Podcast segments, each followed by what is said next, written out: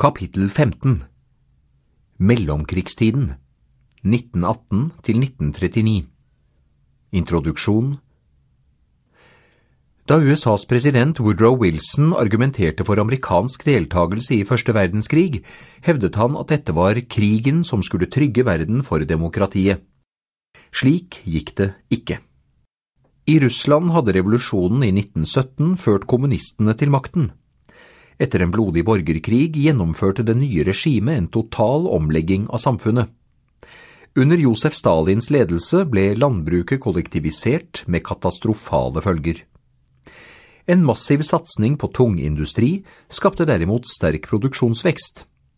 Stalin rensket samtidig ut all politisk opposisjon og skapte et undertrykkende terrorvelde. Fredsoppgjøret i 1919 fikk også negative følger for mange andre land. Økonomisk sammenbrudd og politisk kaos la grunnen for høyreekstreme partier. Mange mistet troen på at et demokratisk styresett klarte å hanskes med problemene.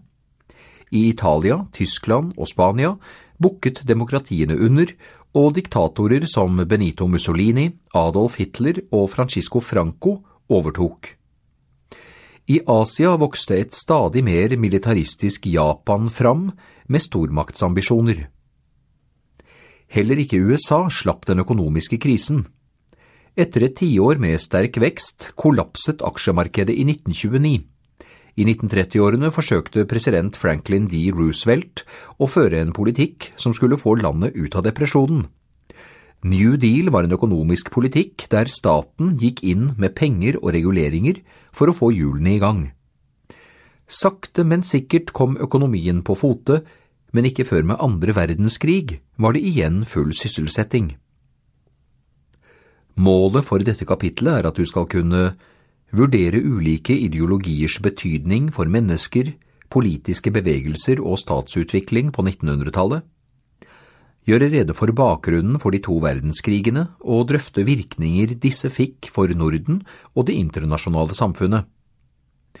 I kapitlet bør du merke deg hvordan kommunistene overtok makten i Russland, Stalins bruk av terror, hva som utløste børskrakket i 1929, ideene bak New Deal, hva som kjennetegnet fascismen, hvorfor nazistene vant makten i Tyskland i 1933, hvordan jødene ble gjort rettsløse. Den russiske revolusjonen Årsakene til revolusjonene i årene før første verdenskrig brøt ut, hadde den russiske tsaren og hans regjering forsøkt å industrialisere landet. At landet var økonomisk svakt, hadde blitt tydelig da tsareriket tapte en krig mot Japan i 1905. At et asiatisk land, som attpåtil var langt mindre enn det russiske imperiet, klarte å vinne, skapte sjokkbølger i det russiske samfunnet. Etter hvert ble det startet opp industribedrifter i Moskva, St. Petersburg og andre storbyer. Fattige landarbeidere strømmet til på leting etter arbeid. Lav lønn og kummerlige levekår ga god grobunn for revolusjonære ideer. I vestlige land var også fattigdommen stor, men der var det politiske systemet i ferd med å bli demokratisert. Demokratisering skapte lojalitet mellom staten og vanlige folk. I enkelte land, som for eksempel Tyskland, var det også innført enkelte sosiale ordninger som trygget arbeiderne i tilfelle sykdom eller ulykke. Noe lignende fantes ikke i Russland. Et hinder mot en demokratisering var den russiske adelen og tsaren selv. Nikolai 2., 1868–1917, var overbevist om at han hadde en guddommelig rett til å styre. Selv om han tillot at det ble holdt valg til en duma, en folkevalgt forsamling, oppløste han den så snart medlemmene vedtok noe som begrenset tsarens rolle.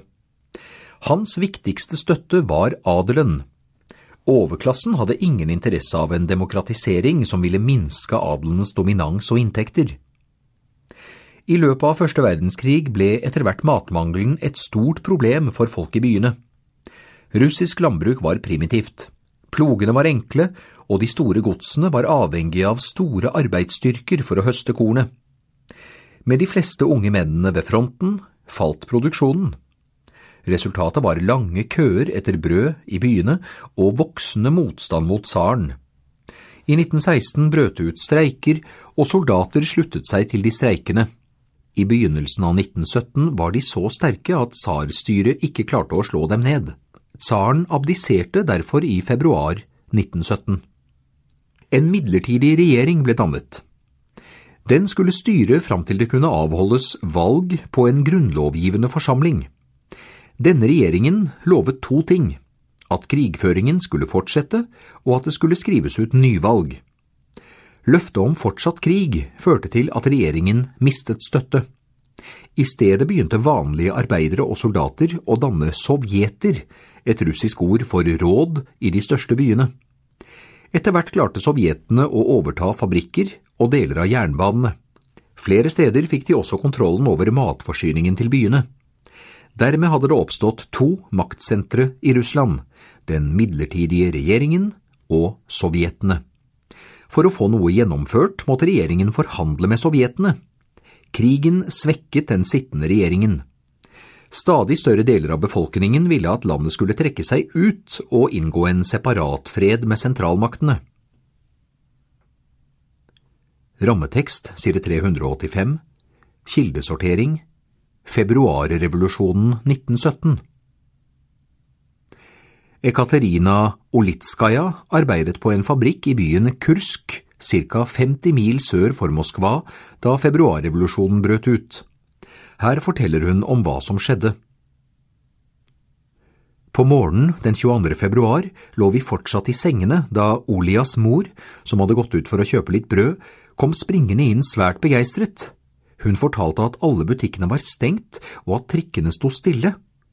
Hun hadde sett store folkemengder i gatene og hørte skudd bli avfyrt.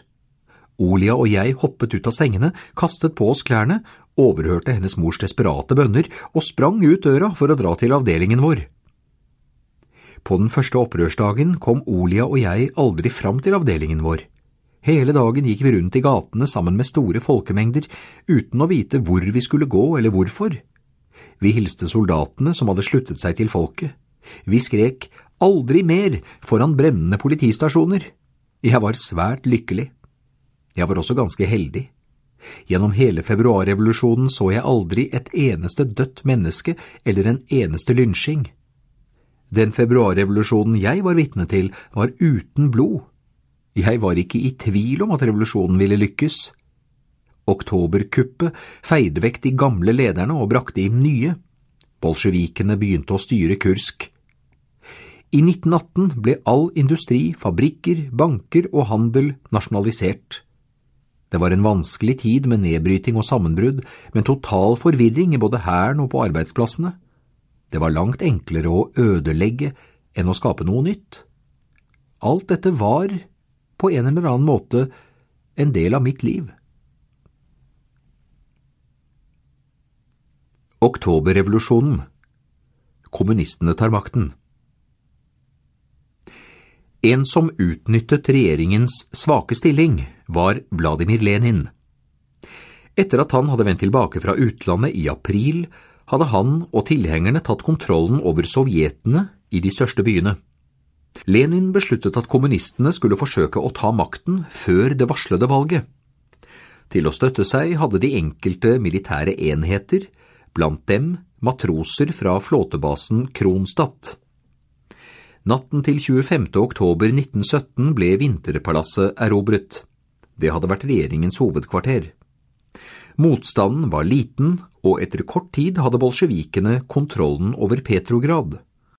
Kort etter arrangerte de en kongress med representanter for sovjetene fra hele landet. Bolsjevikene var i klart flertall. På kongressen ble flere av Lenins forslag vedtatt og kommunistene hyllet. Kommunistene tillot likevel valg på en grunnlovgivende forsamling. De fikk litt over en fjerdedel av stemmene. Kort etter valget oppløste kommunistene forsamlingen. Borgerkrig 1917 1922 Motstanden mot bolsjevikstyret begynte umiddelbart etter at Lenin hadde tatt kontroll over Petrograd. Rester av tsarens hær og andre antibolsjevistiske grupperinger bevæpnet seg og fikk raskt tilnavnet De hvite. Noen sammensveiset blokk var de ikke. Det eneste som bandt dem sammen, var ønsket om å velte bolsjevikene. Brest-Litovsk-avtalen 1918 bidro til motstanden. De hvite så på den store landavståelsen som et ydmykende nederlag. De hvite fikk uventet hjelp av ententmaktene. Franske, britiske og amerikanske soldater ble landsatt flere steder. Lederne i Storbritannia, Frankrike og USA fryktet at det nye regimet ville samarbeide med Tyskland.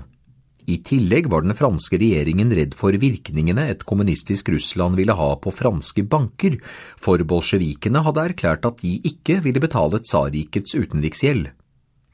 Nettopp franske banker hadde lånt det gamle regimet store beløp, og fikk de ikke lånene dekket, ville de gå konkurs. Leo Trotskij, en av Lenins nærmeste medarbeidere, fikk ansvaret for å reise en hær som kunne ta opp kampen mot de hvite. I utgangspunktet skulle den bare bestå av arbeidere, men det var ikke arbeidere nok til å ta opp kampen. Dermed begynte han en storstilt tvangsutskriving av bønder for å fylle rekkene i det som fikk navnet Den røde hær. De som gjorde motstand, ble skutt. De hvite benyttet samme framgangsmåte når de skaffet seg soldater. I 1917 begynte kampene. Etter flere år med store tap på begge sider endte krigen i 1922. De røde hadde seiret fullstendig. Under borgerkrigen hadde flere av det gamle tsarrikets randområder erklært seg selvstendige. Etter noen få år hadde Den røde hær gjenerobret dem, og sovjetrepublikker ble utropt både i Sentral-Asia, Tadsjikistan, Usbekistan og Kasakhstan, og i Kaukasus, Armenia, Aserbajdsjan og Georgia. I Finland forsøkte kommunister å ta makten. Etter en borgerkrig med tusenvis av døde på begge sider, vant til slutt demokratiske krefter i 1918. Også de baltiske statene klarte å slå tilbake Den røde hær. I Kaukasus derimot lyktes det ikke, og i 1922 var all lokal motstand slått ned. Sovjetunionen lå i ruiner. Virkningene av borgerkrigen var enorme, industri og landbruk var nesten fullstendig ødelagt. Tyfusepidemier rev med seg rundt tre millioner, og enda flere var rammet av hungersnød. Rammetekst side 387 Kildesortering Lenins tale til ungdommen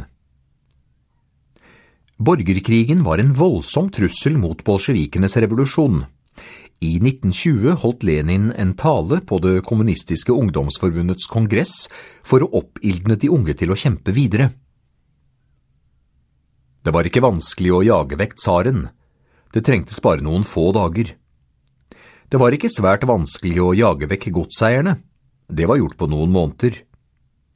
Å jage vekk kapitalistene var heller ikke vanskelig. Men det er uten sammenligning vanskeligere å oppheve klassene. Vi har fremdeles delingen i arbeidere og bønder. Hvis bonden sitter på sitt eget jordstykke og tilegner seg overflødig korn, da blir bonden en utbytter. Det er nødvendig at alle arbeider etter en felles plan på felles jord, i felles fabrikker og verksteder og under felles ledelse. Det som trengs, er at proletariatet oppdrar og lærer opp en del av bøndene på nytt. Det må dra dem som er arbeidende bønder det må dra dem som er arbeidende bønder over på sin side, for å knuse motstanden fra de bøndene som er rike og profitterer på de andres nød.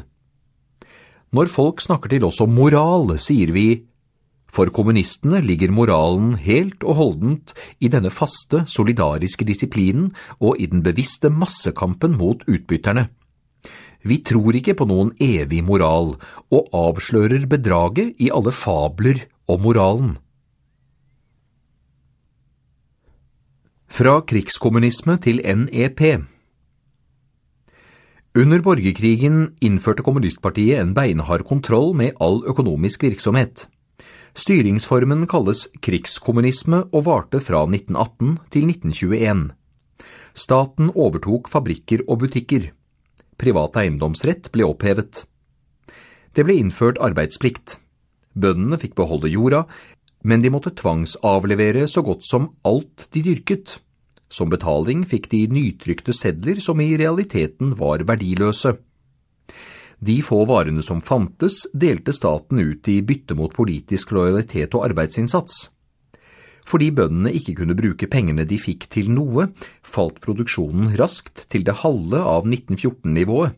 I 1913 hadde kornhøsten innbrakt 75 millioner tonn, i 1920 bare 45 millioner tonn.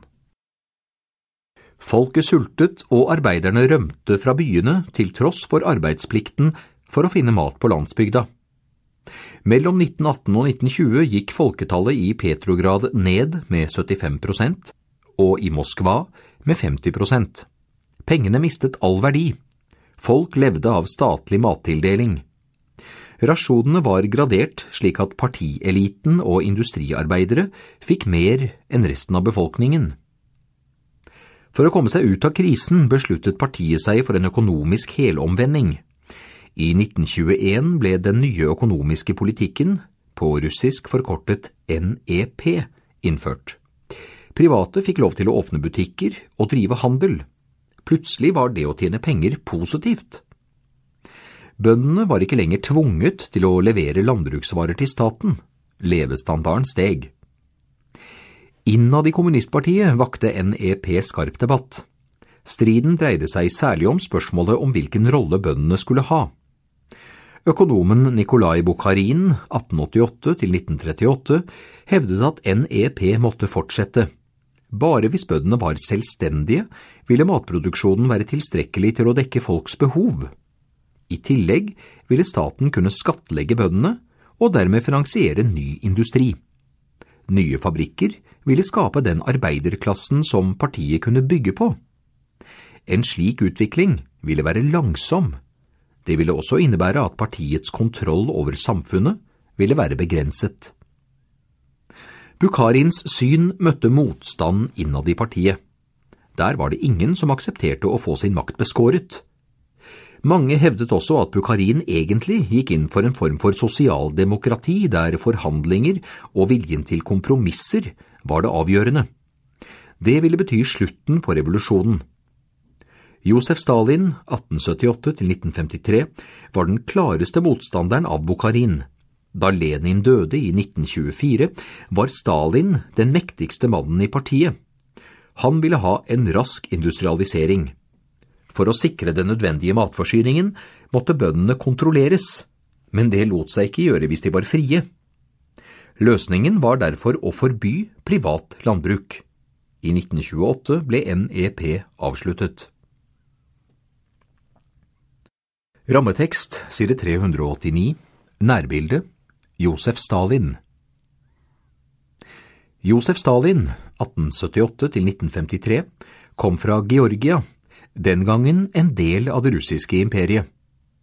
Moren ville at han skulle bli prest, men etter å ha lest artikler og bøker av Lenin og Marx, avbrøt han studiene og begynte med politisk arbeid. I 1917 fikk Lenin ham inn i kommunistpartiets sentralkomité, partiets øverste organ. Under borgerkrigen var han kjent for å arrangere offentlige massehenrettelser av folk han mente utgjorde en trussel mot kommunistene. Bruken av terror for å skremme folk fra å gjøre motstand ble et kjennemerke for hans lederskap. Alle som kunne utfordre ham, ble ryddet av veien. Et eksempel var den 17. partikongressen i 1934. Under en hemmelig avstemning kom det fram at svært mange hadde strøket ut Stalins navn.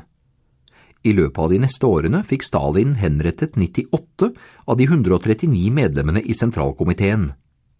Fram til han døde, var det ingen i partiet som torde motsi ham. Stalin rettferdiggjorde terroren ved å hevde at jo lenger et land utviklet seg i sosialistisk retning, jo hardere ville motstanden fra den gamle overklassen være. For å knekke den var vold nødvendig. Under Stalin vokste Sovjetunionen økonomisk og ble en militær supermakt. Staten bygde skoler og sykehus. Byer, fabrikker og til og med en fjelltopp fikk navn etter ham. Propagandaen viste ham ofte smilende sammen med småbarn. For noen russere veier dette tyngre enn undertrykkingen. Russiske skolebøker har svingt svært mye i hvordan Stalin og hans politikk blir behandlet. Industrialisering og kollektivisering Stalin ville satse på en rask og omfattende industrialisering av landet med særlig vekt på tungindustrien. Produksjonen av kull, elektrisitet, jern og stål skulle akselerere fra nesten ingenting til voldsomme mengder på kort tid.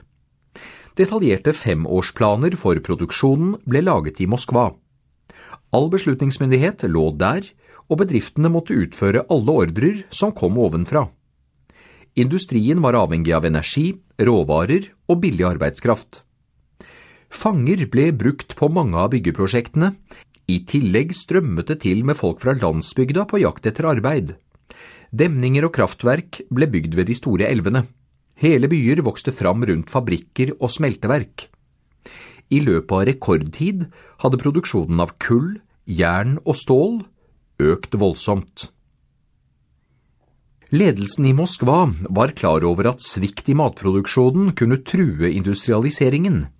På samme måte som i industrien var løsningen i landbruket å satse på storproduksjon i stedet for små gårdsbruk med spredte åkerlapper der avkastningen var liten. På samme måte som i industrien, der staten hadde direkte styring med bedriftene, måtte bøndene tvinges sammen i store produksjonsenheter. De ble kalt kollektivbruk fordi det på papiret het at bøndene skulle eie alt kollektivt, og den private eiendomsretten, der hver hadde noen få husdyr og dyrket mat selv, skulle oppheves. Tanken var at hvis gårdene ble større, ville det være lettere å drive mer rasjonelt, mens de små private gårdene satte hest for plogen når de små åkerlappene skulle pløyes, kunne kollektivbrukene investere i traktorer. Kollektivbrukene skulle opprettes gjennom at bøndene ga fra seg husdyr og landet de eide. Men til tross for sterkt press fra kommunistpartiet klarte ikke brukene å tiltrekke seg noen medlemmer. For å knekke motstanden bestemte partiledelsen at de rikeste bøndene, på russisk kalt kulakker, skulle deporteres til Sibir. I Moskva fastsatte det hemmelige politi hvor mange prosent kulakker det fantes i hver region. De lokale partimedlemmene fikk i oppdrag å bistå politiet i arrestasjonene.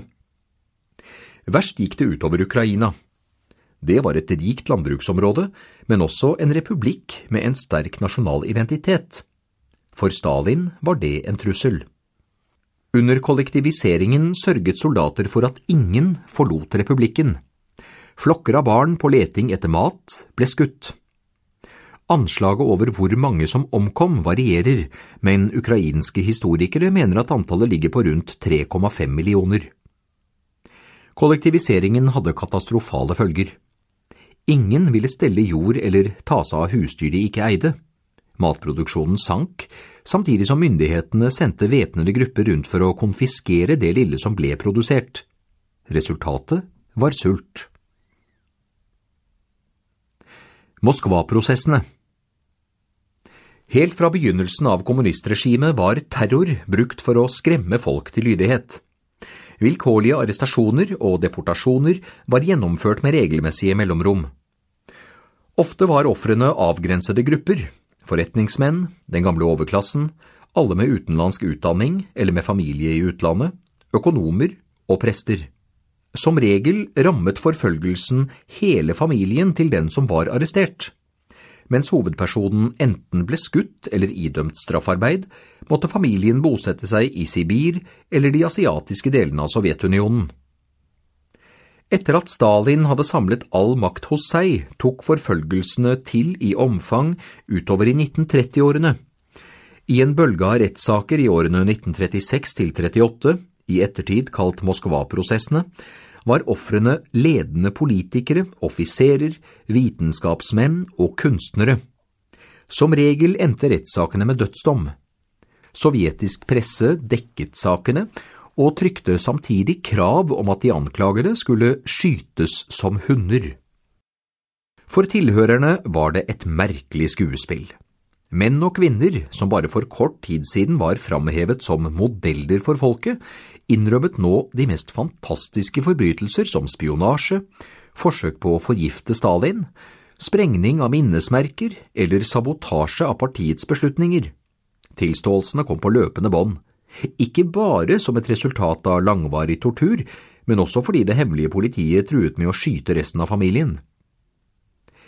Men dette var bare den synlige toppen av terroren. Langt de fleste som ble arrestert, deportert eller henrettet, forsvant uten oppslag i pressen. Om nettene lå folk våkne og lyttet etter om det stoppet en bil utenfor deres oppgang, om heisen stanset i deres etasje. Som en konsekvens sluttet folk å snakke med hverandre. Man holdt seg for seg selv og stolte ikke på noen. Rammetekst, side 391, Fortid og forklaring Hvor mange ble rammet? Hvor mange som det hemmelige politiet arresterte, deporterte til Sibir eller henrettet, har lenge vært et åpent spørsmål. I sovjettiden var arkivene stengt for forskere, og de offisielle statistikkene var misvisende. Statistikerne, som hadde vært ansvarlige for folketellingene i 1930-årene, og som dermed hadde oppdaget hvordan nesten hele årskull var forsvunnet som følge av hungersnød og deportasjoner, ble henrettet. Først i 1990-årene er noen av de sovjetiske arkivene åpnet, og dermed er det mulig å få et visst inntrykk av omfanget av terroren.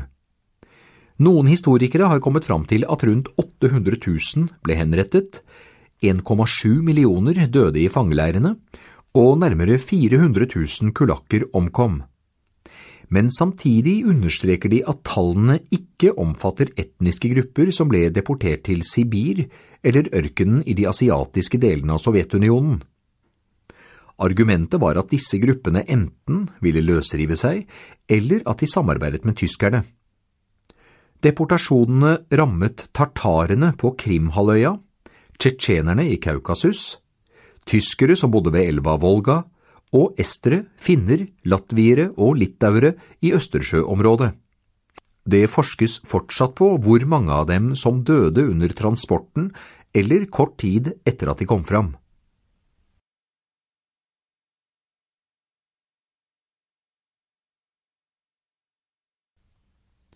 Børskrakket i 1929 I 1920-årene var økonomien i USA inne i en voldsom vekstperiode. I ettertiden har tiåret fått tilnavnet The Roaring Twenties, det brølende tjuetallet.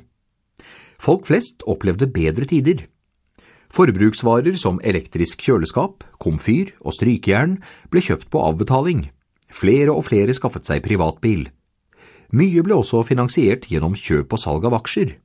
Slik handel ble sett på som en rask vei til rikdom. Fra 1923 til 1929 femdoblet prisen på amerikanske industriaksjer seg. De som eide aksjer, hadde muligheter til å tjene langt mer enn det bankene ga i rente på vanlige innskudd. Avkastningen var også høyere enn renten bankene tok på lån. Derfor ble det etter hvert vanlig at folk lånte penger for å kjøpe aksjer. I august 1929 var mer enn 8,5 milliarder dollar tatt opp i lån for å finansiere aksjekjøp. Forventningene om fortsatt verdistigning var nok til å drive prisen på aksjene i været. Om bedriftene faktisk tjente penger, hadde ingen betydning for prisen på aksjene. Prisoppgangen skjulte at stadig mer av produksjonen endte opp som lagerbeholdning i årene fram mot børskrakket. Grunnen til at varene ikke ble kjøpt, var de lave lønningene. Arbeidsgiverne skar ned på lønnsutgiftene for å øke overskuddet som dermed kunne betales ut til aksjeeierne. Samtidig som mange hadde opplevd at levestandarden steg de første årene av 20-tallet, snudde utviklingen mot slutten av tiåret. Mens vanlige lønnsmottakere tjente mindre, kunne en liten overklasse av aksjeeiere se at verdien av aksjene de eide, hele tiden steg på papiret. Aksjeeierne var avhengige av raske inntekter for å kunne finansiere nye lån i bankene og nye aksjekjøp. Noe av pengene kom fra salg av aksjer. Så lenge prisene steg, gikk det bra. Bankene krevde ikke at låntakerne hadde mer enn en tredjedel av kapitalen selv, resten ga de i lån. Men i det øyeblikket verdien viste antydning til å stige langsommere, ville det utløse panikksalg. Det var nettopp det som skjedde 24. oktober 1929, senere kjent som Black Thursday. Verdien på noen aksjer falt, og meglerne forsøkte å kvitte seg med dem ved å senke prisen. Det skapte usikkerhet om ikke også alle andre aksjer var priset for høyt. Panikken spredte seg etter hvert som stadig flere aksjer ble lagt ut for salg. 28. oktober sank verdien av aksjene med 13% dagen etter med 12 Nedgangen fortsatte til sommeren 1932. Folk kunne ikke betale bankavdragene sine og mistet hus og hjem. En rekke banker kollapset. Ofte prøvde de først å inndrive lånene de hadde gitt til næringslivet. Det skapte en bølge av konkurser. Fabrikkene stengte, én etter én. Fra 1929 til 1933 steg arbeidsløsheten fra 4 til 25 prosent. I samme periode falt industriproduksjonen med rundt en tredel. Prisene sank både på industriprodukter og matvarer med omtrent 20 prosent. I landbruket hadde krisen startet noen år før 1929. Under første verdenskrig hadde etterspørselen etter matvarer økt voldsomt. Særlig i Nord- og Sør-Amerika, Afrika og Asia hadde produksjonen vokst for å dekke behovet i Europa. Etter 1918 tok det europeiske landbruket seg opp, og behovet for importert mat falt. Bøndene fikk ikke solgt maten de produserte, og mange måtte gå fra gård og grunn. Staten kunne ha dempet krisen ved å bruke mer penger, men i tråd med den økonomiske tenkningen som rådde, ble utgiftene skåret ned i takt med fallende inntekter. Det forsterket krisen. Et av de få tiltakene som politikerne kunne bli enige om, var å skru opp tollen på importvarer for å beskytte innenlandsk produksjon.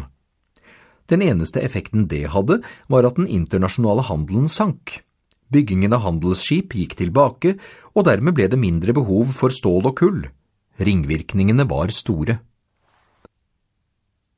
Roosevelt og New Deal Det første tegnet på endring kom i USA med valget av Franklin D. Roosevelt 1882–1945 som president i 1933.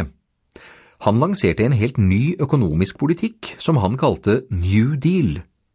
Begrepet er flertydig, men kan oversettes med ny giv. Det viktigste innholdet i New Deal-politikken var en langt mer aktiv statlig rolle. I den første fasen av politikken, ofte kalt The First Hundred Days, var målet å få i gang økonomien. En måte å gjøre det på var å pålegge bedriftene å samarbeide om en felles minstepris. Det ville gjøre det umulig for noen bedrifter å kutte prisene så mye at konkurrentene gikk konkurs. I 1935 erklærte USAs høyesterett at denne formen for regulering ikke var en statlig oppgave. Selv om det satte en stopper for samarbeidet, hadde industriproduksjonen allerede økt med 55% siden 1933, og antallet konkurser var gått tilbake.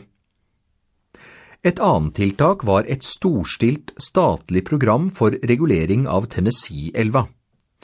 I 1930-årene hørte områdene langs elva til de fattigste i USA.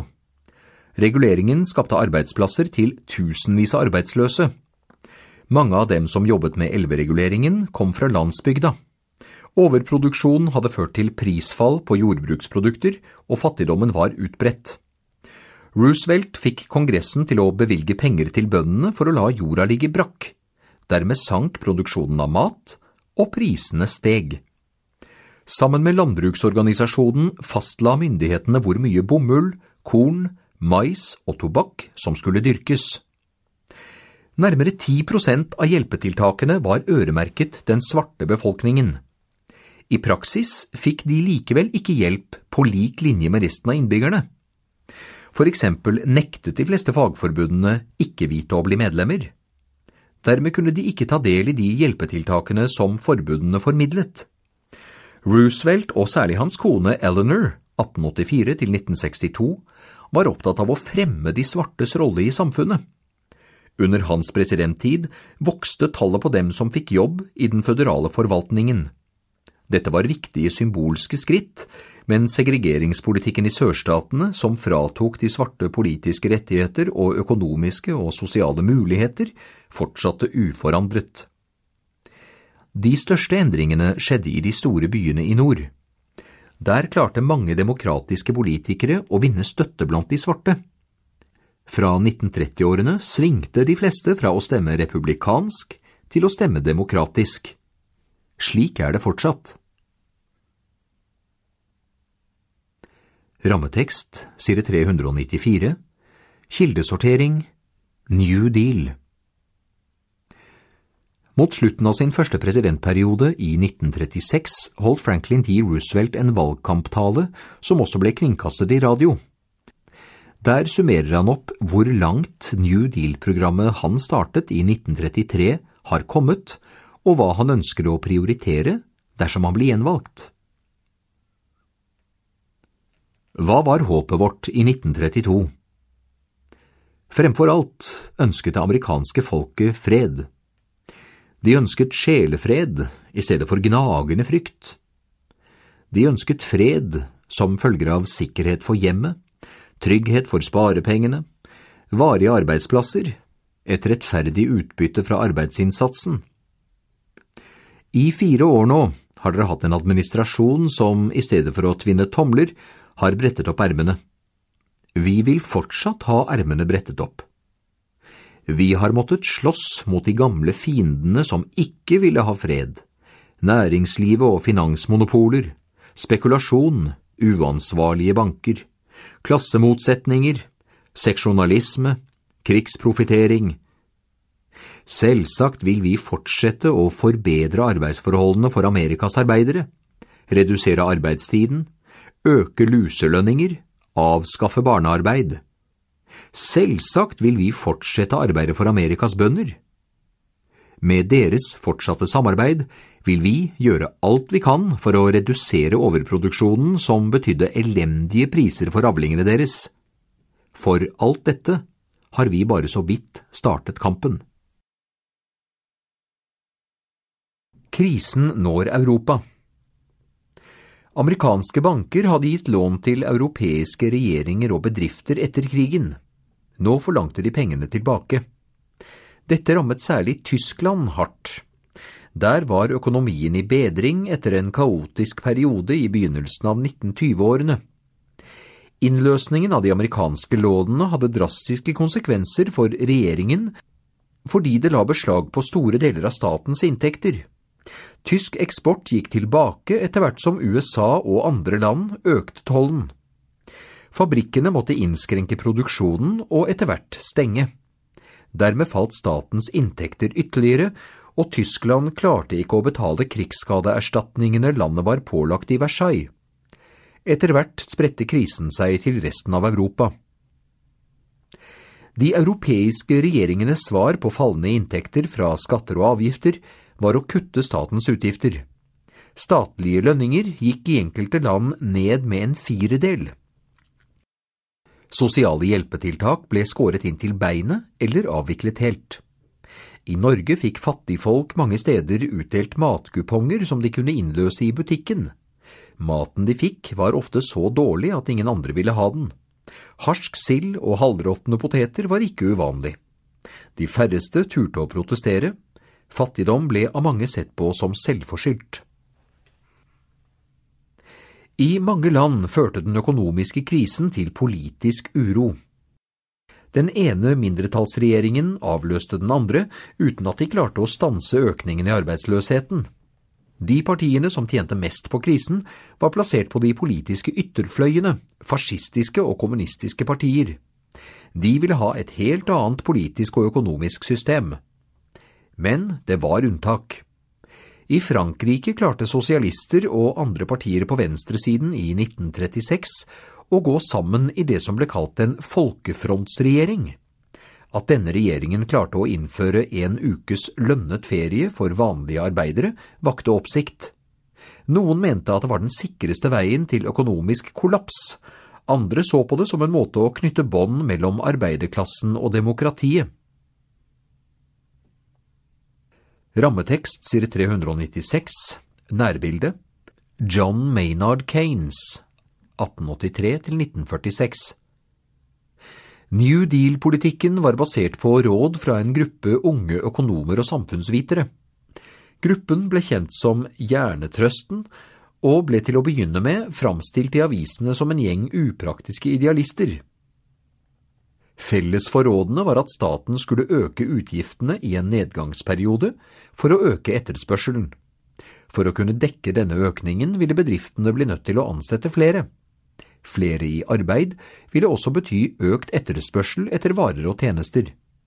Etter hvert ville privat forbruk igjen bli den viktigste drivkraften i økonomien, og statens rolle minskes. Å bruke staten som drivkraft var først anbefalt av den britiske økonomen John Maynard Keynes. Han hadde deltatt under fredsforhandlingene i Versailles. Han var imot å kreve store krigsskadeerstatninger fra Tyskland. Det ville bare føre til økonomisk kaos og politisk krise. I 1933 skrev han et åpent brev til president Roosevelt i The New York Times, der han lanserte disse tankene for et bredt publikum. At Kanes strategi betydde underskudd på statsbudsjettet, var mindre viktig. Om nødvendig måtte staten ta opp lån. De kunne nedbetales når skatteinntektene økte. Dette sto i skarp motsetning til republikanernes økonomiske politikk, der det skulle være opp til bedriftene selv å bestemme om de ville kjøpe nye maskiner eller ansette flere. Problemet var bare at selv om bedriftene hadde villet gjøre det, ville de neppe klart å overbevise bankene om å gi dem lån.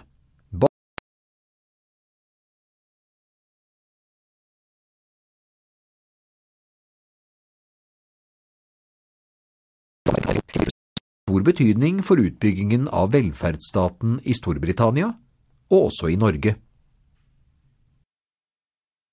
Fascismen i Italia I fredsoppgjøret etter første verdenskrig hadde Italia fått Sør-Tirol og Istra-halvøya fra Østerrike.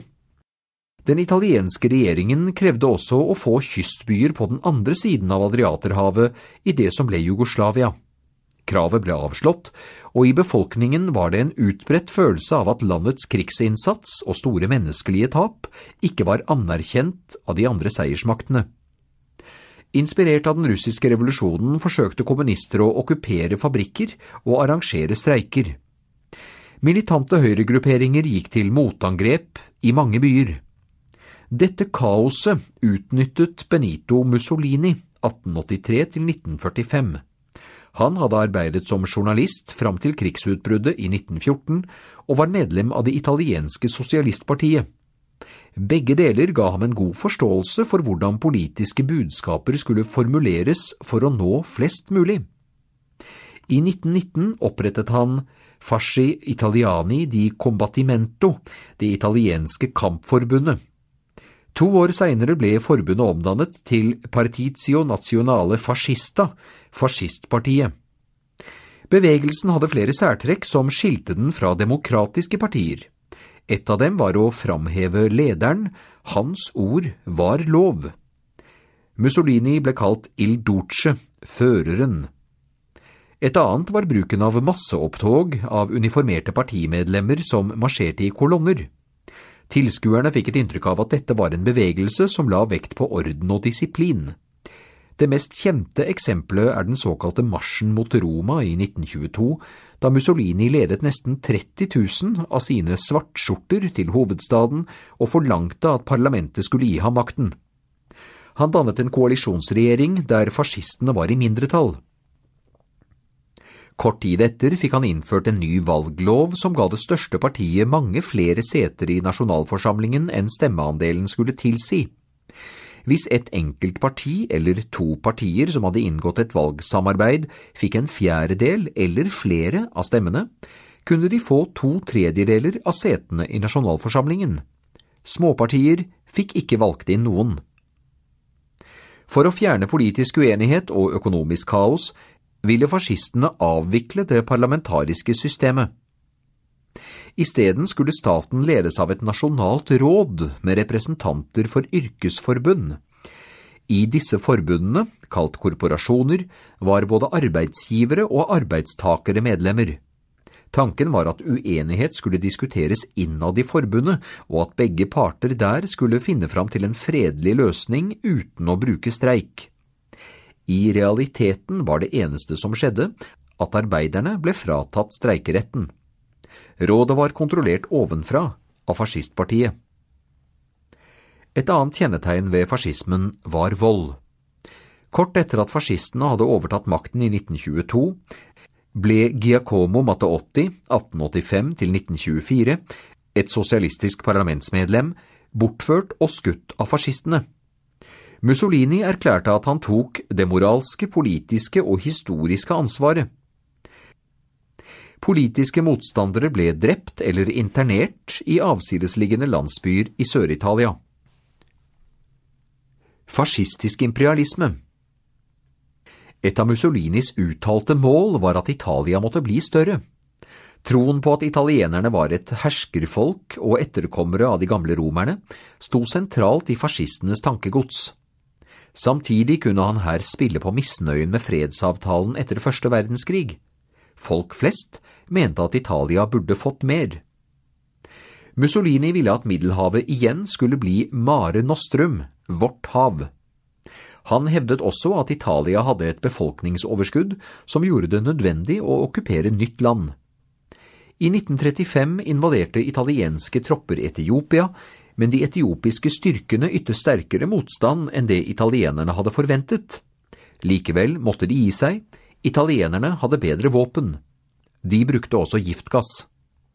Mussolini argumenterte med at det hadde han lov til fordi italienske soldater som var blitt tatt til fange, skulle ha blitt torturert før de ble henrettet.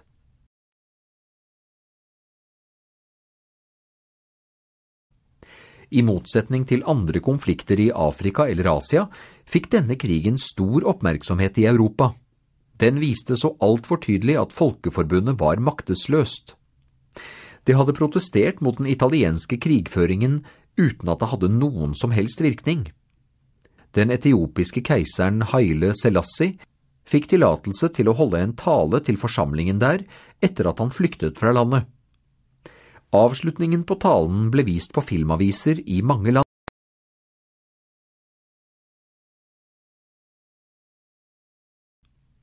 Avslutningen på talen ble vist på filmaviser i mange land. I dag er det oss, i morgen blir det deres tur. I 1939 angrep Italia Albania. I løpet av kort tid var kampene over, og Italia kontrollerte nå innseilingen til Adriaterhavet. Både Hellas og Jugoslavia protesterte. I begge land regnet regjeringene med at Italia ville bruke Albania som et brohode for angrep på dem. Rammetekst side 398 Kildesortering Benito Mussolini Hva er fascisme? I 1932 skrev Mussolini en artikkel der han definerte kjernen i den fascistiske ideologien. Her er noen av hovedpunktene hans. Den fascistiske oppfatningen av livet er anti-individualistisk. Den understreker betydningen av staten og aksepterer bare individet så lenge dets interesser faller sammen med statens. Staten uttrykker individets sanne natur, og hvis frihet er en egenskap ved mennesket, da står fascismen for frihet, den eneste form for frihet som har verdi, statens og individets frihet innenfor staten.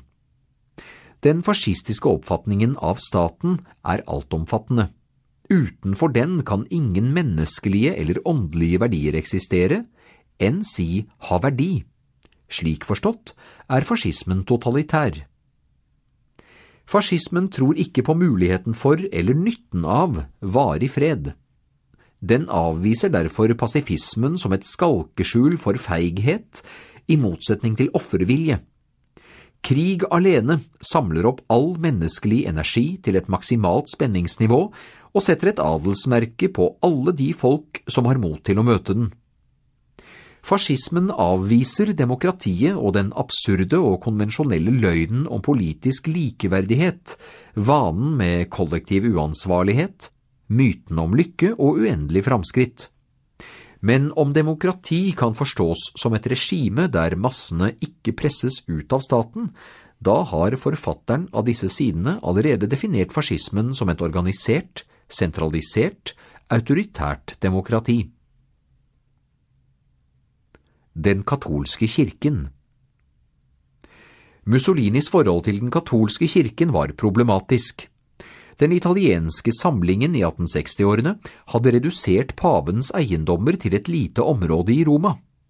Siden den gang hadde den katolske kirken vært fiendtlig innstilt overfor den nye staten. For kirken var det samtidig viktig at fascismen kunne demme opp for kommunismen, så mange innenfor kirken så derfor på Mussolini som en forbundsfelle. Mussolini bedret forholdene til kirken gjennom Lateranavtalene i 1929. Katolisismen ble anerkjent som statsreligion, og Vatikanstaten ble opprettet med paven som religiøst og politisk overhode. Kirken fikk eneretten til å godkjenne ekteskap.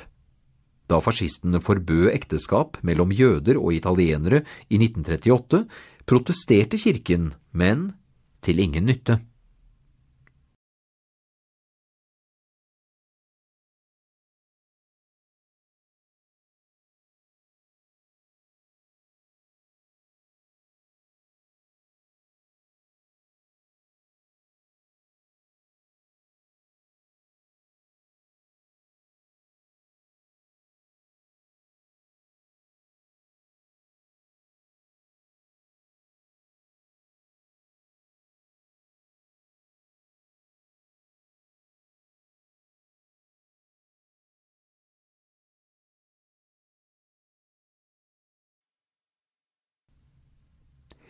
Det tredje riket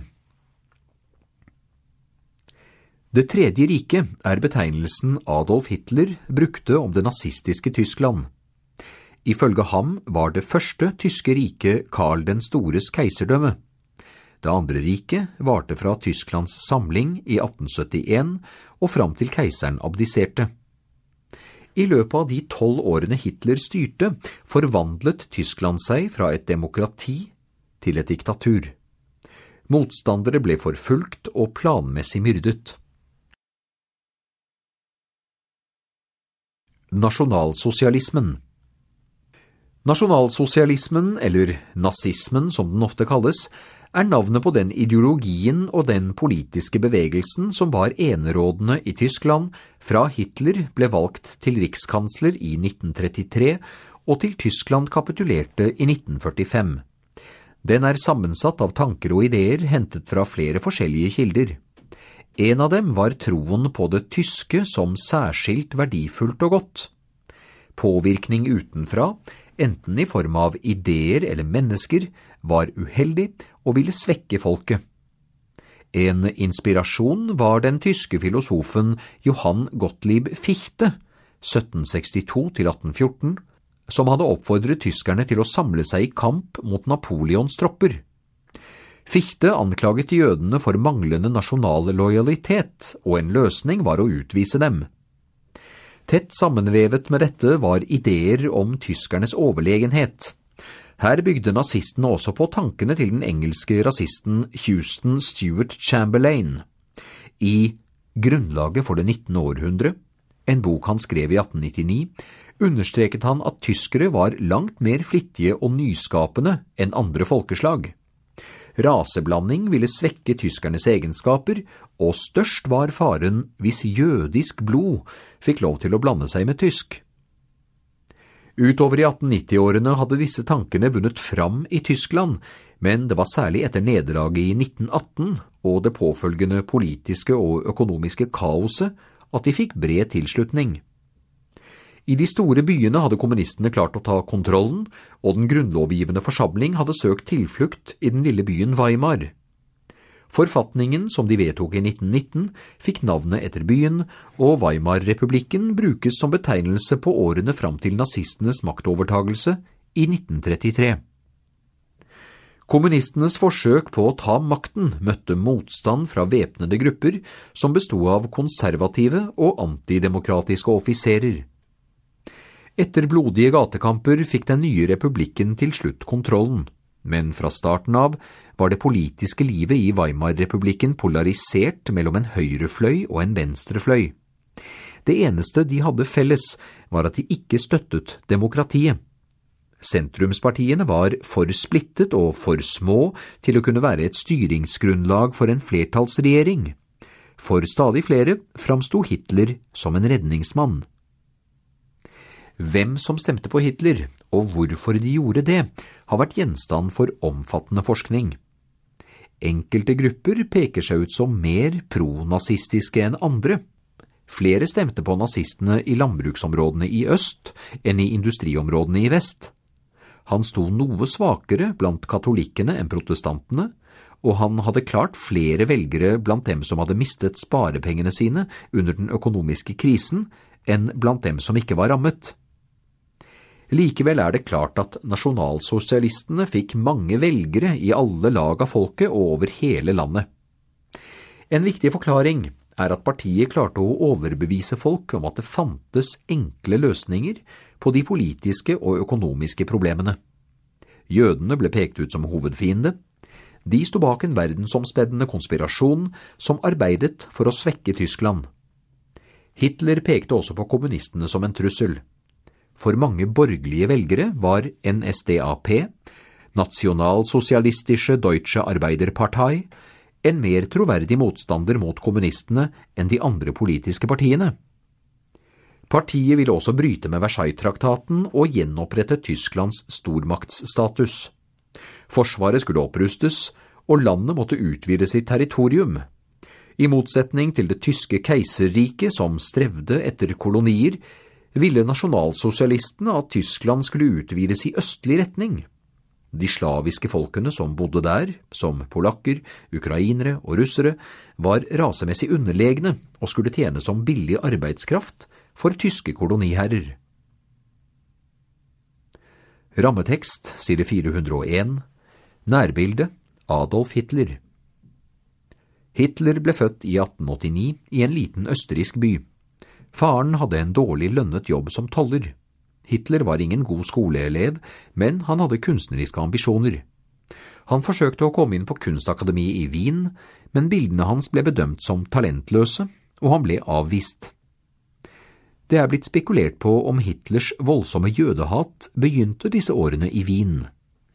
Østerriksk politikk var tydelig antisemittisk, og han kan ha blitt preget av den politiske debatten før 1914. De første antijødiske uttalelsene fra Hitler kom etter 1919 og ser ut til å ha vært inspirert av dolkestøtlegenden som var i omløp i Tyskland på den tiden.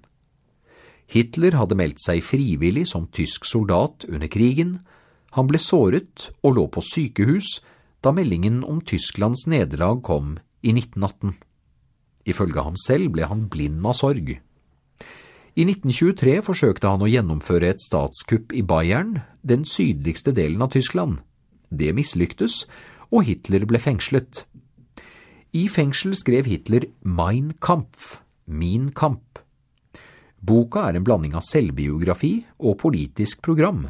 I den legger han ikke skjul på at jødene må fordrives fra Tyskland, at nordiske mennesker er andre raser overlegne, og at Øst-Europa må underlegges tysk styre, fordi tyskerne trengte Lebensraum, livsrom, for sin befolkning.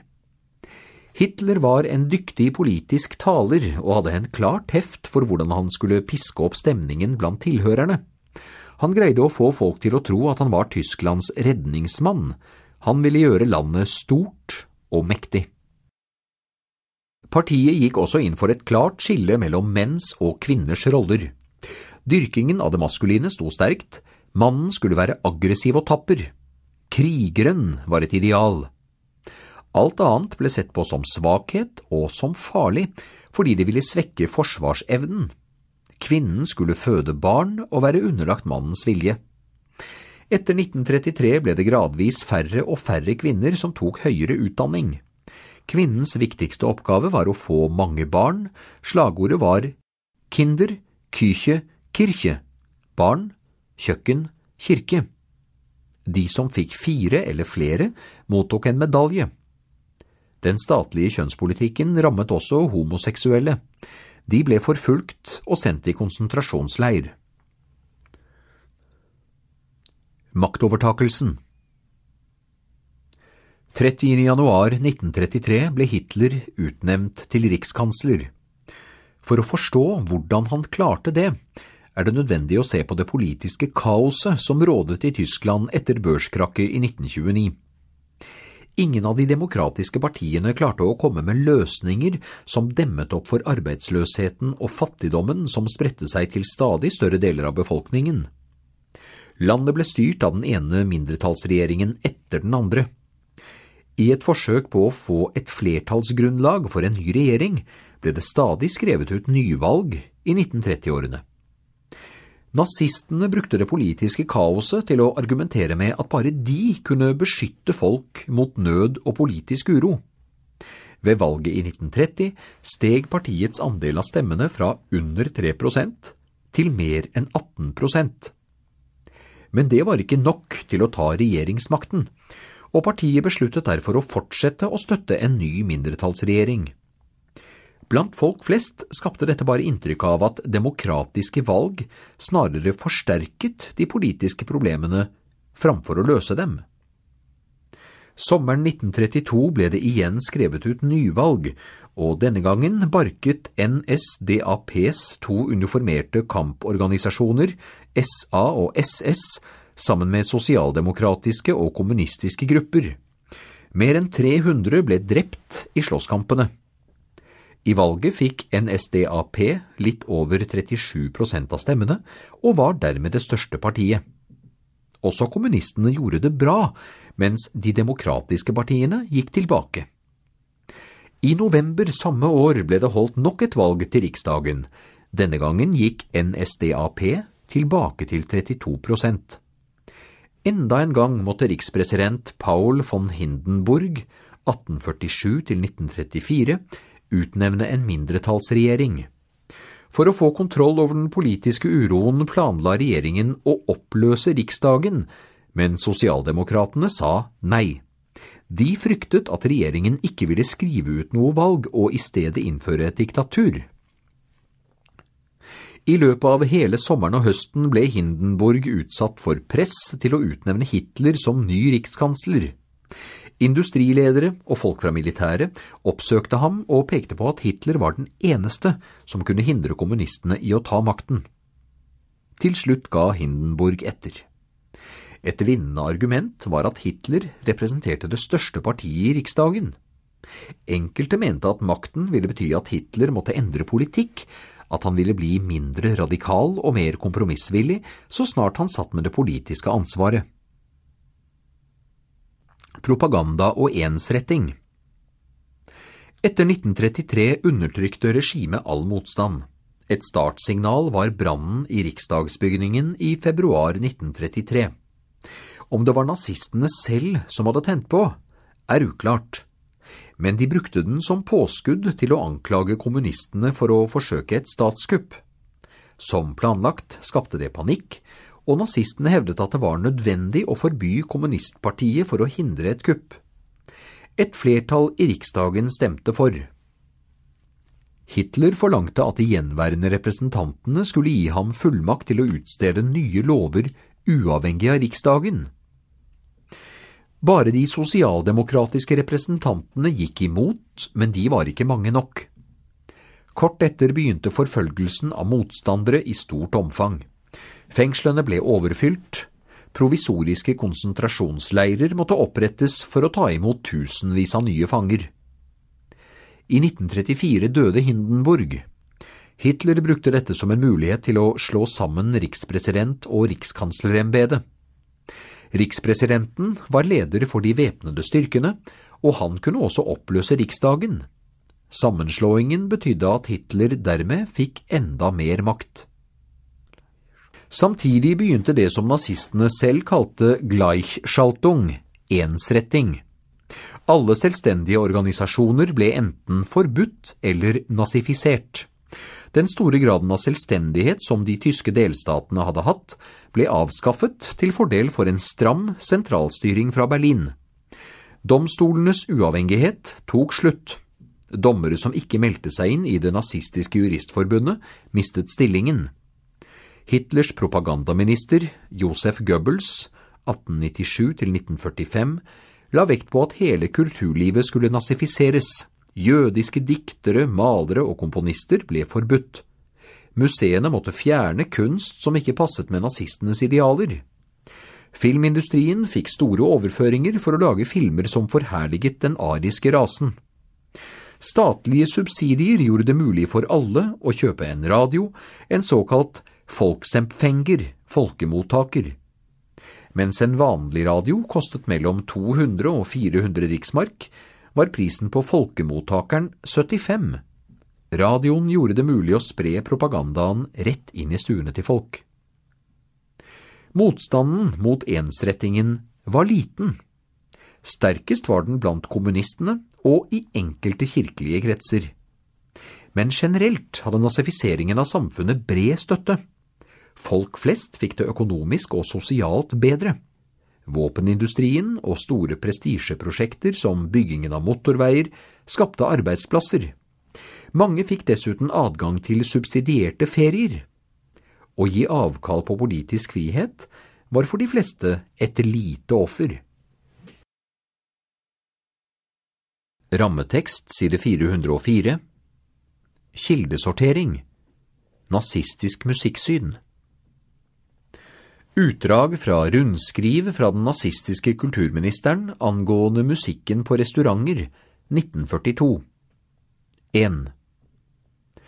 I det såkalte jazzrepertoaret skal man fortrinnsvis holde seg til komposisjoner i dur og tekster som gir uttrykk for livsglede, ikke jødisk dystre tekster. 2. Med hensyn til tempo skal man også fortrinnsvis holde seg til livlige komposisjoner, ikke langsomme, såkalte blues. Likevel må tempoet ikke overstige en viss grad av allegro, i overensstemmelse med arisk sans for disiplin og måtehold. Under ingen omstendigheter kan man tolerere negroide utskeielser i tempo, såkalt hot jazz, eller i soloopptredener, såkalte breaks. 3. Det er også forbudt med trommesoloer som er lengre enn en halv takt i fire fjerdedels rytme, unntatt i stiliserte militærmarsjer. 4. Det er forbudt å klimpre på strengene, ettersom dette er skadelig for instrumentet og uheldig for arisk musikkfølelse. Hvis en såkalt pizzicato-effekt er absolutt nødvendig for komposisjonens særpreg, må man omhyggelig sørge for at strengen ikke får slå mot sordinen, noe som fra nå er forbudt. 5. Alle underholdnings- og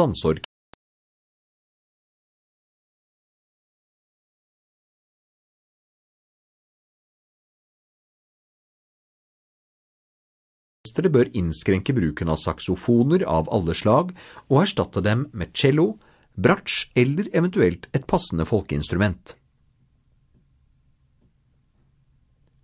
Jødene blir rettsløse Umiddelbart etter at Hitler var utnevnt til rikskansler i januar 1933, startet forfølgelsen av jødene. Gradvis mistet de rettighet etter rettighet.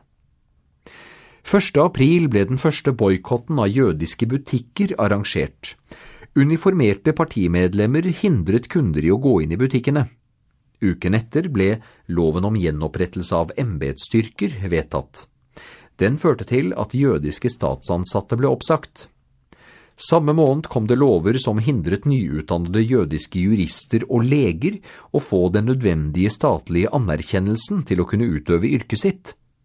Mot slutten av måneden satte den nye loven mot overfylling av tyske skoler og høyskoler et tak på 1,5% jødiske elever og studenter.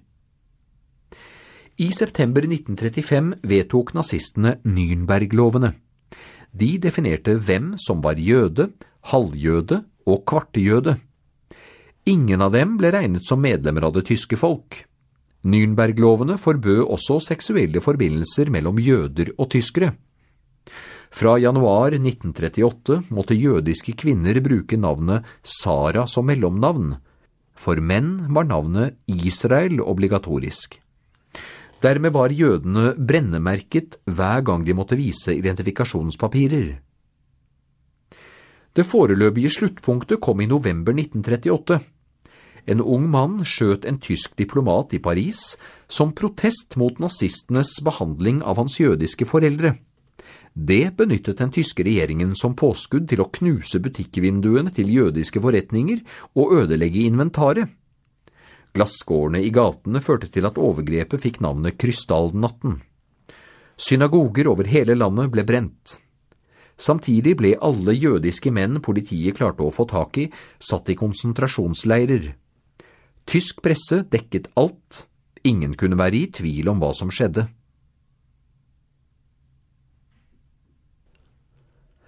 Rammetekst, side 406 Kildesortering Krystallnatten 9. til 10. november 1938 Josefa von Koskull 1889 til 1996 arbeidet som sekretær i Berlin. Hun var motstander av nazistene og ble flere ganger innkalt til forhør av Gestapo, det hemmelige statspolitiet. Nedenfor er et utdrag av hva hun så da hun gikk hjem fra arbeid om ettermiddagen 10. november. I gatene hun gikk gjennom lå mange av Berlins motehus. Fortauene var dekket av glasskår fra knuste vinduer. 10. november 1938 var den fryktelige dagen Goebbels, Hitlers propagandaminister, ga ordre om at jødiske butikker skulle ødelegges og jødiske borgere slås ned på åpen gate. I noen tilfeller ble de drept, og jødiske gudshus ble stukket i brann. Når jeg nå tenker tilbake på det etter de forferdelige krigsårene som jeg gjennomlevde i Berlin, virker ikke plyndringene så grusomme, men den gangen opplevde jeg dem som et sant helvete. Fra de øverste etasjene kastet SA-menn ut ruller med stoff, slik at det så ut som vakre faner av silke som blafret ned langs husveggene. Under sto en jublende menneskemengde og rev stoffet til seg. Folk samlet det de kunne, og dro bort i drosjer med byttet sitt. Noen ganger ble det hevet ut en bøtte vann for å få folkemengden fra hverandre, så ble det kastet ut skrivemaskiner som ble knust mot gata. Politiet sto ved siden av og gjorde intet. Plutselig føk et dusin silkestrømper mot meg. Jeg kastet dem vekk. Da jeg bøyde meg ned for å ta opp et stykke glass, ble jeg flau. Folk kunne jo tro jeg hadde funnet en diamantring. Innvandringen til Palestina Jødeforfølgelsen førte til at mange forsøkte å utvandre. De som gjorde det ble pålagt en såkalt riksfluktskatt, i realiteten en konfiskasjon av alt de eide. På grunn av den økonomiske krisen var det få land som ville ta imot noen, særlig ikke folk uten penger. I 1938 ble passet til alle tyske jøder stemplet med en stor, rød J. Det gjorde det enda vanskeligere å få innreisetillatelse i land der antijødiske stemninger var sterke. For mange var Palestina det ønskede målet. Forfølgelsen av jødene i Russland fram til 1914 hadde ført til en jevn strøm av jøder som bosatte seg der. Forskere regner med at det bodde rundt 35 000 jøder i Palestina i 1880. I 1917 var tallet rundt 56 000, mens i 1923 anslås den jødiske befolkningen til 90 000. Ideen om Palestina som en jødisk stat var blitt fremmet av den østerriksk-ungarske forfatteren Theodor Herzl 1860–1904. Han mente at en egen stat var det eneste stedet jøder kunne være trygge. Uansett hvor sterkt de satset på å assimilere seg i landene de bodde, forble de utsatt. Hvis jødene hadde sin egen stat, ville antisemittismen forsvinne, hevdet Herzl.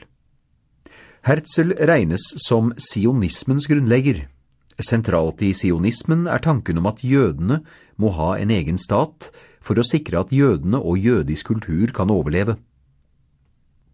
I 1917 erklærte den britiske utenriksministeren lord Balfour at den britiske regjeringen ville støtte opprettelsen av et nasjonalt hjem i Palestina for det jødiske folk. Det skulle skje uten at rettighetene til den palestinske befolkningen skulle krenkes. Britene var klar over at Palestina var et omstridt område.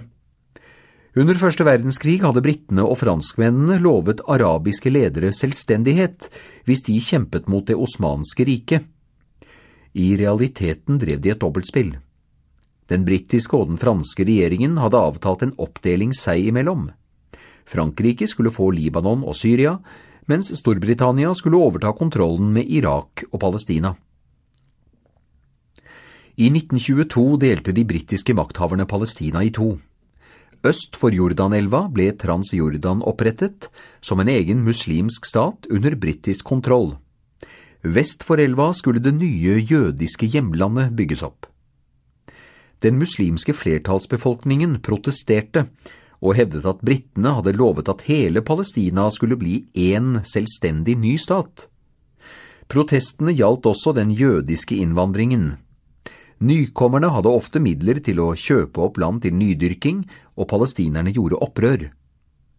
Britenes svar var begrensninger på den jødiske innvandringen. I 1936–39 brøt det ut nye uroligheter. Denne gangen forbød britene all jødisk innvandring til Palestina. For de forfulgte jødene i Europa var situasjonen prekær. Chaim Weitzmann, 1874–1952, president for den jødiske verdenskongressen, sa at for de seks millionene jødene i Europa var verden delt i to, områder de ikke kunne leve i og ville ut av, og områder de ville flykte til, men der de ble nektet adgang. Rammetekst, side 408, Kildesortering, Balfour-erklæringen 1917 Ganske nøyaktig ett år før avslutningen av første verdenskrig sendte den britiske utenriksministeren Arthur J. Balfour et brev til lord, et brev til lord Rothschild, en av lederne i den sionistiske føderasjonen i Storbritannia og Irland. Brevet, som var et svar på en henvendelse fra Rothschild sommeren 1917, ble snart publisert i pressen. Utenriksdepartementet 2. november 1917 Kjære lord Rothschild. Jeg har den store glede, på vegne av Hans Majestets regjering, å overlevere dem følgende erklæring om sympatier for de jødiske sionistenes målsetninger. Hans Majestets regjering ser positivt på etableringen av et nasjonalt hjem i Palestina for det jødiske folk, og vil gjøre sine beste anstrengelser for å oppnå dette målet. Samtidig er det klart underforstått at ingenting må gjøres som kan skade de sivile og religiøse rettighetene til ikke-jødiske befolkningsgrupper i Palestina, eller rettighetene og den politiske stillingen som jøder i noe annet land nyter godt av. Jeg vil være takknemlig om de kunne gjøre den sionistiske føderasjonen kjent med denne erklæring. Ærbødigst Arthur James Balfour en ny krig? Fra midten av 1930-årene var det tydelige tegn på at en ny krig ble mer sannsynlig. Borgerkrigen i Spania, Tysklands innlemmelse av Østerrike og oppdelingen av Tsjekkoslovakia var hendelser som viste hvilken vei det var. I Asia hadde Japan vokst fram som den største militærmakten. Landet utfordret ikke bare de europeiske kolonimaktene i området, men også USA. Både Japan og Tyskland hadde vært medlemmer av Folkeforbundet og dermed forpliktet til å løse konflikter med fredelige midler. I begge landene ble organisasjonen sett på som et hinder for de militære planene de hadde. Noe av det første Hitler gjorde, var å si opp Tysklands medlemskap. Japan fulgte raskt etter. Det eneste Folkeforbundet gjorde, var å protestere. Japansk militarisme da Japan forlot Folkeforbundet, var landet anklaget for å ha invadert Kina i 1931. Japan klarte raskt å underlegge seg Manchuria, en region i Nordøst-Kina. Manchuria var rikt på råstoffer som Japan trengte til å ruste opp. I 1937 fortsatte japanske styrker inn i det sørlige Kina. Krigføringen var svært grusom. Massive overgrep mot sivilbefolkningen var vanlig. I tillegg gjennomførte japanske leger fryktelige medisinske eksperimenter på kinesiske fanger. Den japanske militarismen hadde to kilder. Den ene var at landet helt siden 1890-årene hadde utvidet sin innflytelse i Sørøst-Asia, noe som gjorde at nasjonalister både i Japan og i mange europeiske kolonier så på Japan som en regional leder. Den andre kilden var frykten for at mangelen på råvarer ville undergrave landets militære overtak. Andre stormakter i området ble sett på som trusler mot disse ambisjonene. Dels gjaldt det Nederland, Storbritannia og Frankrike, men også USA, som hadde protestert gjentatte ganger mot den japanske krigføringen i Kina. Angrepet på den amerikanske flåtebasen Pearl Harbor i 1941 ble gjennomført for å hindre USAs evne til å stanse japansk ekspansjon i Stillehavsområdet. Den spanske borgerkrigen Krigen i Kina var fjernt fra Europa. Nærmere og mer truende var den spanske borgerkrigen, som varte fra 1936 til 1939. Spania var blitt et demokrati i 1931. Før det hadde kongen i tett samarbeid med adelen og den katolske kirken motsatt seg alle forsøk på politiske reformer. Da republikanske partier vant valget i 1931, reiste kongen i eksil. Den nye regjeringen forsøkte å avhjelpe fattigdommen blant annet gjennom å konfiskere den katolske kirkens enorme eiendommer. Kirken motsatte seg og klarte å undergrave regjeringen. I det neste valget, i 1936, fikk en koalisjon av sosialister, kommunister og reformvennlige partier et knapt flertall av stemmene og dannet det som ble kalt en folkefrontregjering. Den ville forsterke de sosiale tiltakene. Men motstanden fra overklassen, kirken og det militære var sterk. De hevdet at regjeringen ville innføre et sovjetisk system. Sommeren 1936, et halvt år etter valget, gjorde offiserer og soldater i spansk Marokko opprør mot regjeringen. Francisco Franco, 1892–1975, var lederen. Da styrkene landet i Spania, sluttet store deler av offiserene seg til dem. Etter hvert som de erobret nytt land, ble byene og landsbygda finkjemmet for motstandere. De fleste av dem ble henrettet på stedet. Francos styrker, de såkalte nasjonalistene, fikk fra første stund våpenhjelp fra Italia og Tyskland. Tyske piloter trente på presisjonsbombing i Spania, og i april 1937 utraderte de den lille byen Guernica fra lufta. Storbritannia, Frankrike og USA var i utgangspunktet skeptiske til den demokratisk valgte regjeringen.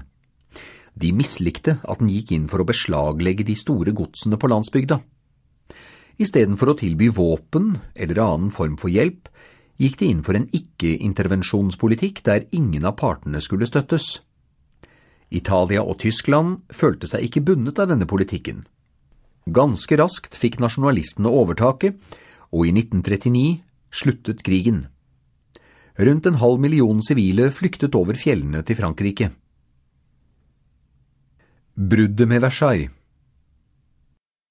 Hitler hadde gått til valg på å ville fri Tyskland fra det han kalte skamavtalen fra Versailles, og trakk landet ut fra Folkeforbundet, kort tid etter at han var blitt rikskansler. I 1935 erklærte han at han ikke lenger ville overholde begrensningene avtalen la på det tyske forsvaret. Britene kontaktet den tyske regjeringen i det skjulte og meddelte at den ikke ville motsette seg at tyske tropper igjen kunne stasjoneres i Rhinlandet. Motytelsen fra tysk side skulle være en forpliktelse om at landet ikke skulle bygge så mange fly at de kunne utgjøre en trussel mot Storbritannia. Men Hitler svarte ikke på tilbudet.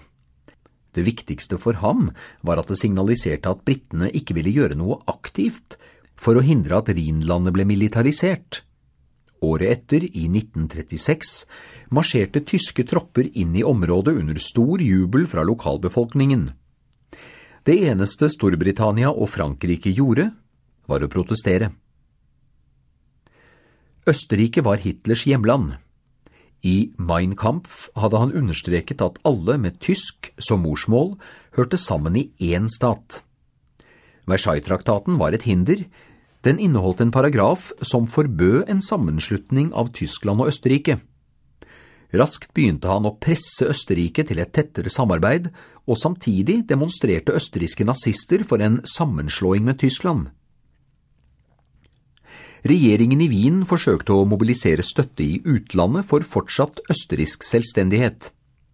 Italia hadde tradisjonelt sett med mistenksomhet på de tyske planene og kunne ha gitt Østerrike politisk støtte, men etter at Mussolini hadde begynt å samarbeide med Hitler fra midten av 1930-årene, falt denne muligheten bort. Den britiske regjeringen lot det komme fram at den nå så på de tyske ønskene som berettiget, og ikke ville motsette seg en sammenslåing. Dermed var banen klar, og i mars 1938 skjedde det som er blitt hetende Anschluss, tilslutningen av Østerrike til Tyskland. At dette var støttet av det store flertallet av befolkningen i begge land, var det ingen tvil om. Reportere kunne melde om vill jubel i Wien og om en umiddelbar forfølgelse av jøder i byen. Anschluss betydde at Tsjekkoslovakia nå var omringet av Tyskland på tre kanter. I motsetning til de andre sentraleuropeiske landene var Tsjekkoslovakia forblitt et fungerende demokrati siden det ble opprettet i 1918. I grenseområdene til Tyskland, på tysk kalt Sydetenland, var befolkningen tyskspråklig. Blant dem hadde nazistene sterk støtte, og de agiterte for løsrivelse. Hitler forberedte seg på å invadere området militært, men Storbritannia og Frankrike insisterte på forhandlinger. De fant sted i München mot slutten av september 1938 mellom Tyskland, Italia, Frankrike og Storbritannia. Tsjekkoslovakia var ikke representert. Resultatet var München-avtalen, som slo fast at Sudetenland skulle overgis til Tyskland. Den tsjekkiske befolkningen måtte rømme områdene. Hitler erklærte at med innlemmelsen av Sudetenland i Tyskland hadde han ikke lenger noen territoriale fordringer men allerede i mars 1939 gikk tyske tropper over grensen og inn i resten av landet. Slovakia ble gjort til en tysk vasallstat. Det var et brudd på München-avtalen, og det var også første gang Hitler la under seg et område der befolkningen ikke var tyskspråklig. Slovakia ble en fascistisk stat, tett knyttet til Tyskland. Den tysk-sovjetiske ikke-angrepspakten Sommeren 1939 økte spenningene mellom Tyskland og Polen. Hitler krevde at Tyskland skulle få bygge en motorvei og en jernbane over polsk territorium til det tyske området Østprøysen. Regjeringen i Warszawa nektet. Samtidig rapporterte tyske medier om organisert forfølgelse av den tyske minoriteten i Polen. Nå reagerte den franske og den britiske regjeringen og ga polakkene en garanti om at hvis tyskerne angrep, ville britene og franskmennene betrakte det som et angrep på dem selv. Men ingen av landene vil kunne gi polakkene noen rask militær støtte. Det kunne bare Sovjetunionen. Forsøk ble gjort på å trekke Moskva inn i en felles garanti til polakkene. På sovjetisk side var mistenksomheten stor overfor de to kapitalistiske vestmaktene, og polakkene var negative til en sikkerhetsavtale med landets historiske fiende. Før forhandlingene kom i gang, ble det kjent at den sovjetiske utenriksminister Vjateslav Molotov, 1890–1986, og hans tyske kollega Joachim von Ribbentrop, 1893–1946, hadde undertegnet en ikke-angrepspakt 23. august. At de to ideologiske motstanderne plutselig lovet hverandre tett og nært samarbeid, sendte sjokkbølger gjennom resten av Europa. Paktens viktigste innhold, de hemmelige tilleggsprotokollene, var ikke offentlige. I dem ble Øst- og Sentral-Europa delt i en tysk og en sovjetisk interessesfære. Finland og de baltiske landene tilfalt Sovjetunionen. Måneden etter undertegnelsen krevde Sovjetunionen at de baltiske republikkene skulle gi sovjetiske styrker tillatelse til å opprette baser i landene. Hvis de motsatte seg, ville de bli bombet. Regjeringen ga etter, og landene ble okkupert. Avtalen betydde at Tyskland ikke behøvde å frykte noe sovjetisk motangrep når Polen ble invadert. Hitler selv sa til den britiske ambassadøren i Berlin at Tyskland nå ikke behøvde å frykte en tofrontskrig som hadde svekket landet under første verdenskrig. Storbritannia burde derfor se realiteten i øynene og oppgi sin støtte til Polen.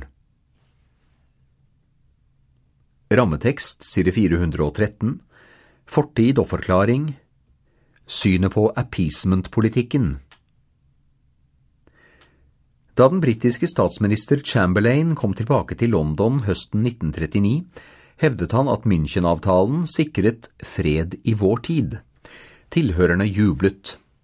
Få dager etter forsvarte han avtalen i radioen med å si at striden mellom Tsjekkoslovakia og Tyskland egentlig bare var a quarrel in a faraway country between people of whom we know nothing. En krangel i et fjernt land mellom folk vi ikke har noen anelse om. Blant de få som reagerte med avsky, var Winston Churchill. Han mente at Storbritannia ved å akseptere alle Hitlers krav ikke hadde reddet freden, men snarere gitt Tyskland ekstra tid til å ruste opp. En appeasement-politiker er en som fòrer krokodillen i håp om å være den som blir spist aller sist, hevdet han. I ettertid er Churchill rost for sitt klarsyn, og appeasement er blitt et synonym for ettergivenhet overfor diktatorer. Men i 1938 var holdningen en annen, og appeasement ble brukt om fredelige forhandlingsløsninger. Erindringen om første verdenskrig var fortsatt levende. Borgerkrigen i Spania, særlig luftangrep på byer, skapte redsel for at det samme ville skje i Storbritannia hvis det brøt ut krig. Det britiske forsvaret var svakt. Samtidig var det mange som mente at Versailles-traktaten hadde vært for streng, og at de tyske kravene derfor ikke var helt urimelige. Invasjonen av Rhinlandet ble tolket av en ledende politiker som at Tyskland was only going into their own backyard. Tyskland bare gikk inn i sin egen bakgård. Andre mente at Hitler var et bolverk mot Sovjetunionen, og at hans krav derfor måtte støttes. Først etter invasjonen av resten av Tsjekkoslovakia i mars 1939 var det klart for alle at appeasement ikke lenger var en mulig strategi. Denne gangen hadde Hitler invadert et land der det ikke bodde tyskere. Vinterkrigen Ikke-angrepspakten definerte Finland som en del av sovjetiske områder. I oktober 1939 forsøkte sovjetiske forhandlere å presse Finland til landavståelser på det karelske neset, landområdet mellom Finland og Leningrad. I tillegg skulle deler av Fiskerhalvøya ved Barentshavet overføres til Sovjetunionen.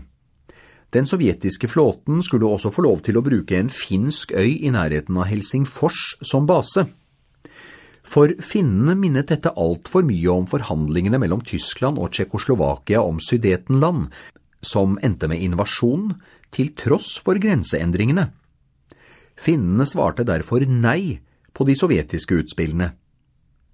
30. november 1939 krysset sovjetiske tropper grensen. Samtidig bombet sovjetiske fly finske byer. I Moskva hadde de regnet med at Finland ville overgi seg i løpet av to uker. På sovjetisk side av grensen var det blitt dannet en finsk regjering bestående av Moskva-tro finske kommunister som sto klar til å overta makten så snart landet var okkupert. Finnene kjempet imot. Tallmessig var de helt underlegne, men de klarte likevel å stanse den sovjetiske framrykkingen. Frankrike og Storbritannia lanserte planer for å komme finnene til unnsetning med troppestyrker som skulle landsettes i Narvik, og så transporteres med tog gjennom Sverige til Finland. Både den norske og den svenske regjeringen nektet av frykt for at en slik tillatelse ville trekke landene inn i krigen. At de sa nei, skapte stor forbitrelse blant mange. Mer enn 8000 svensker meldte seg til tjeneste i Finland. Fra Norge dro over 700. Den finske regjeringen innså at landet ikke ville klare å opprettholde motstanden. I mars 1940 ble en fredsavtale undertegnet. Finland måtte oppgi store landområder, men demokratiet var reddet. Sammendrag de store tapene under første verdenskrig, kombinert med sosial misnøye og streiker, førte til at tsaren i Russland abdiserte. I kaoset som oppsto, klarte kommunistene, ledet av Lenin, å overta makten i de største byene. Etter flere år med borgerkrig hadde de kontroll over hele det gamle tsarriket og kunne opprette Sovjetunionen. Fra slutten av 1920-årene sto Stalin fram som landets nye leder. Han gjennomførte en hardhendt kollektivisering av landbruket og startet en rask utbygging av tungindustrien. Reelle og potensielle motstandere ble henrettet eller deportert til fangeleirer i Sibir. I USA hadde økonomien vokst i 1920-årene, men i 1929 raste verdiene på aksjene på New York-børsen. Konkurser og massearbeidsløshet spredte seg. I 1933 satset president Roosevelt på en sterkere statlig rolle for å avhjelpe krisen. Denne politikken ble kalt New Deal. Utover i 1930-årene sank arbeidsløsheten etter hvert som offentlige hjelpeprogrammer trådte i kraft. I Europa førte politisk uro og økonomisk krise til at demokratiske krefter var på vikende front i mange land. I Italia overtok fascistene, ledet av Benito Mussolini, makten i 1922. Fascistene la vekt på en sterk leder istedenfor det parlamentaristiske demokratiet og på en imperialistisk utenrikspolitikk. I Tyskland var demokratiet omstridt. Både kommunistene og nazistene var imot den demokratiske Weimar-republikken. I 1933 overtok nazistene makten. Kort tid etterpå ble de demokratiske rettighetene avskaffet. Det nye regimet utpekte jøder og kommunister som fiender. Få land var villige til å motta de jødene som ville utvandre. I Asia hadde Japan utviklet seg til en sterk militærmakt. Landet hadde invadert Kina i 1931. Japanske ledere så på de europeiske kolonimaktene og USA som trusler. I Spania brøt det ut borgerkrig i 1936. Ledet av offiseren Franco klarte de spanske nasjonalistene å vinne over de demokratiske kreftene som hadde regjeringsmakten. Nazistene og fascistene støttet nasjonalistene militært. Storbritannia og Frankrike så på Hitler som en trussel mot freden, men håpet å kunne unngå krig gjennom forhandlingsløsninger som imøtekom tyske krav. I 1939 inngikk Tyskland og Sovjet en ikke-angrepspakt. I en hemmelig tilleggsprotokoll delte de to landene hele Øst- og Sentral-Europa mellom seg. Mot slutten av 1939 angrep Sovjetunionen Finland. Etter harde kamper undertegnet de to landene en fredsavtale som førte til at Finland måtte avstå store landområder.